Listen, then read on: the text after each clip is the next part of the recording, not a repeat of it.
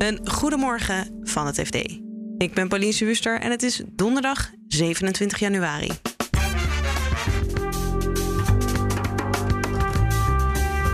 Brussel en onze landbouwminister liggen al jaren in de clinch over tientallen miljoenen euro subsidie die Nederland terug moet betalen. En dat is de Kamer niet verteld. De beursgang van WeTransfer staat morgen op de planning. En dat is misschien niet echt het ideale moment. En de afgelopen week uh, alle techbedrijven wereldwijd, zeker ook in Nederland, uh, zijn flink gedaald op de beurs. En de marktwaarde van de Nederlandse cryptomunt Expose Protocol verdampte vrij snel. En nu blijkt dat de munt zelfs voor oplichters geen succes was. Dit is de dagkoers van het FD. De Europese Commissie zit ons landbouwministerie al jarenlang achter de broek aan, omdat ze tientallen miljoenen euro's onterecht ontvangen landbouwsubsidie terug willen. Die subsidie is gegeven aan een inmiddels failliete tomatentelersclub, Frescue, die eerder ook al eens onterecht EU-subsidie kreeg. Toch informeerde het ministerie de Tweede Kamer niet. Vasco van der Boon is onze landbouwredacteur en legt uit waarom die subsidie onterecht is gegeven volgens Brussel. Nou, dat geld was dus bedoeld om samenwerking van tuinders te bevorderen. Wat ze hebben proberen weg te organiseren is dat er één lid eigenlijk dominant was. Die dominante tomatenteler, dat is Kai Brothers. En het was gewoon een hiërarchisch georganiseerde club waarbij Kai Brothers bepaalde welke tomaten er geteeld worden, voor hoeveel die andere tuinders meededen en eh, de winst van de tomaten, dat was allemaal voor Kai Brothers. Frescue, dat is failliet gegaan formeel. Frescue is in 2017 failliet gegaan, maar de curator van Frescue die claimt de volle 53 miljoen uh, fraude uh, terug bij Kai Brothers. Dus ook de curator van Fresco die zegt, uh, ja, Kai Brothers, die tomatenteler, die hebben het gedaan. De Europese Commissie die vraagt al acht jaar lang aan Nederland, betaal dat geld nou terug. Want zo is dat afgesproken, zijn, zijn de Europese regels. En Nederland uh, weigert uh, die 53 miljoen terug te betalen. Die uh, vragen al acht jaar lang van. nou ja, we willen het houden. Kan dat niet uitgesmeerd worden over de Europese fondsen? En dat betekent dus feitelijk dat de fraudeschade in Nederland. dat die door alle Europese belastingbetalers vergoed zou moeten worden. En hoe kan het dan dat bijvoorbeeld de Kamer hier niet van weten en stampij over maakt? Ja, dat hebben we gevraagd aan het Landbouwministerie. Waarom is de Kamer niet uh, geïnformeerd? Waarom uh, over die correspondentie met uh, het conflict, de ruzie met de Europese Commissie hierover? Het gaat nogal ergens over. Er zijn 53 miljoen, maar de, de, de rijkwijde van het conflict is nog veel groter. andere tuinders durven deze subsidie nauwelijks meer aan te vragen. Met, dit belang uh, is het eigenlijk een raadsel waarom het Landbouwministerie de Kamer niet heeft ingelicht voluit over deze kwestie. Uh, we hebben dit gevraagd aan het Landbouwministerie uh, en de, we krijgen daar volstrekt onduidelijke antwoorden op. De NVWA heeft al onderzoek gedaan. OM volgens mij heeft zelfs een deel van het ministerie van Economische Zaken aangifte gedaan. De eigen toezichthouder, de Nederlandse Voedsel- en Warenautoriteit, die heeft in meerdere onderzoeken, ook al bijna tien jaar geleden, gezegd: deze 53 miljoen euro is door fraude, door valsheid in geschriften en oplichting uitbetaald aan Frescue. En um, uh, de Rijksdienst voor Ondernemend Nederland, dat is een onderdeel van uh, het ministerie van Economische Zaken, heeft in 2015 aangifte gedaan van fraude uh, via Frescue. Uh, die aangifte is in behandeling genomen. Het Openbaar Ministerie heeft hier de afgelopen zes jaar onderzoek naar gedaan. Er zijn invallen geweest, arrestaties. Het strafdossier is klaar. En daarin concludeert het Openbaar Ministerie: er zijn 15 verdachten van oplichting en valsheid in geschriften. Dit is allemaal helemaal niet door het Landbouwministerie gedeeld met uh, de parlementariërs. Raadselachtig. En hoe gaat dit nou verder? Ligt er een deadline vanuit Europa of kan dit nog jaren doorsudderen? Nou, nee, wat de Europese Commissie betreft uh, is het over en uit en klaar. Ze hebben acht jaar gewacht en de, de, de uiterste betaaltermijn van die acht jaar, die verstreek uh, afgelopen herfst. Rond het verstrijken van die deadline is het Landbouwministerie allemaal brieven gaan schrijven naar de Europese Commissie. Iedere keer heeft de Europese Commissie Nederland nul op request gegeven. En uiteindelijk heeft de Europese Commissie 6 januari, het is begin deze maand, aan het Landbouwministerie geschreven: nee, jullie krijgen geen verder uitstel. We willen het geld. En nu uh, overweegt het Landbouwministerie, vertellen ze ons, om ook tegen die laatste afwijzing weer in beroep te gaan. Dus Nederland blijft maar. Uh, uh, ze willen het gewoon niet teruggeven. Ze vinden dat de fraudelast maar ten koste van de Europese fondsen moet komen. Dankjewel, Vasco. Graag gedaan. WeTransfer kondigde vorige week een beursgang aan, omdat ze geld nodig hebben om de ambitieuze groeiplannen waar te maken. Morgen al wil het Nederlandse bedrijf zijn beursdebuut maken.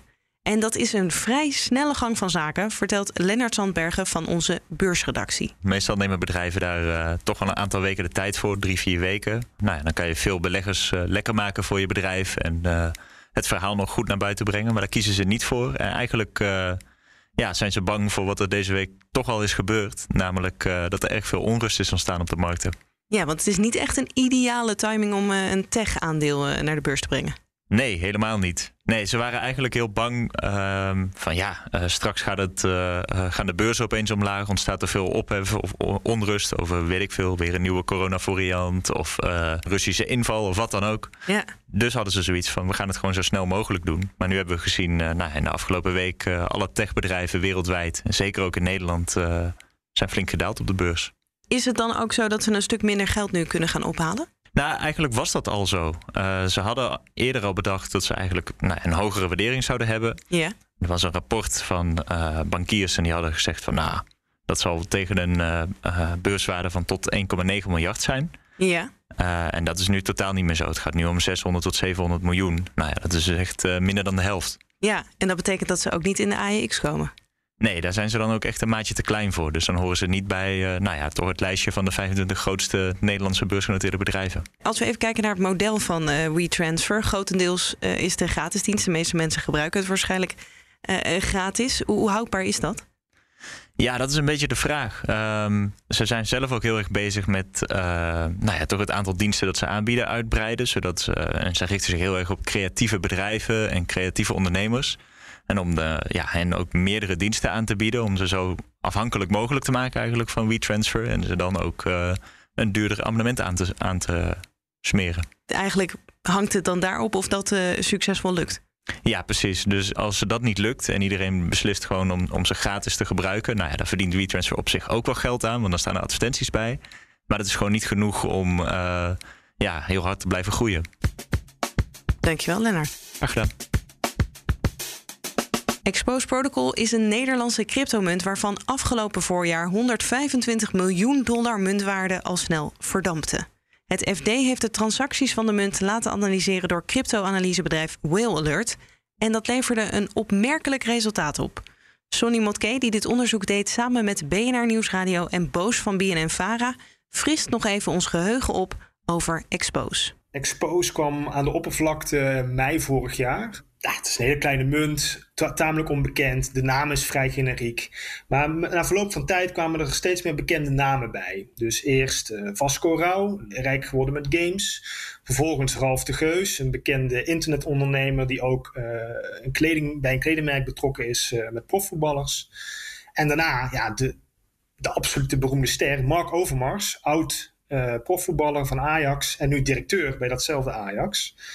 En toen zag je dus dat die Expos Protocol munt heel bekend werd en de koers piekte enorm naar een marktwaarde van uh, 125 miljoen dollar. Uh, meteen na die piek, uh, dat heeft niet lang geduurd, kelderde het in elkaar. we kunnen in de analyse zien dat binnen een dag of twee, drie, uh, wordt meer dan de helft van de waarde verdampt.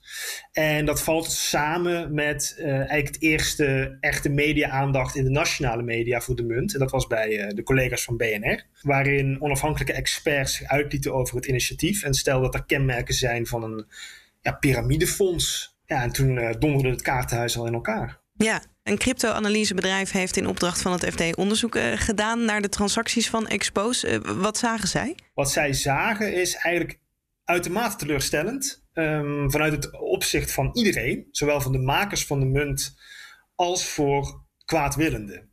Er is namelijk ontzettend weinig geld opgehaald in totaal door Expos dan wat ze wilden bereiken. Eh, we komen uit op een bedrag van minder dan een miljoen euro.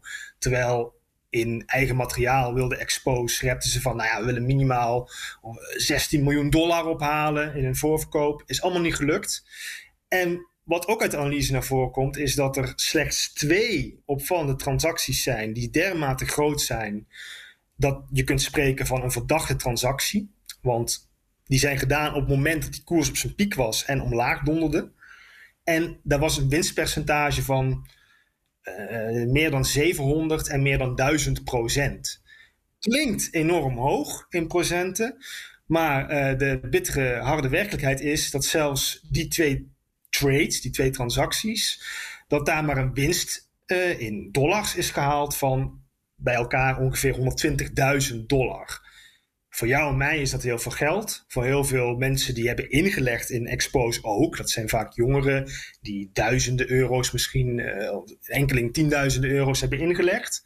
Maar voor oplichters in dit systeem, in, in deze uh, sferen, moet je toch aan een goede scam moet je al denken aan uh, een paar miljoen dollar op zijn minst. En daarom dat de analyse van Whale Alert ook concludeert: dit is keihard polderamateurisme ook op het gebied gewoon van een oplichter. Zelfs de kwaadwillenden zouden nu boos moeten zijn over ja, beperkte winst die ze al gemaakt hebben. Je hoorde Sonny Motke, FD-redacteur Financiële Markten. Hij deed dit onderzoek dus samen met Boos van BNN-Vara... en met Aaron Lupatti van BNR Nieuwsradio... die de podcastserie Crypto Cowboys maakte over dit hele verhaal. Dus als je nog veel meer wil luisteren over Exposed Protocol... zoek Crypto Cowboys dan even op in je favoriete podcast-app.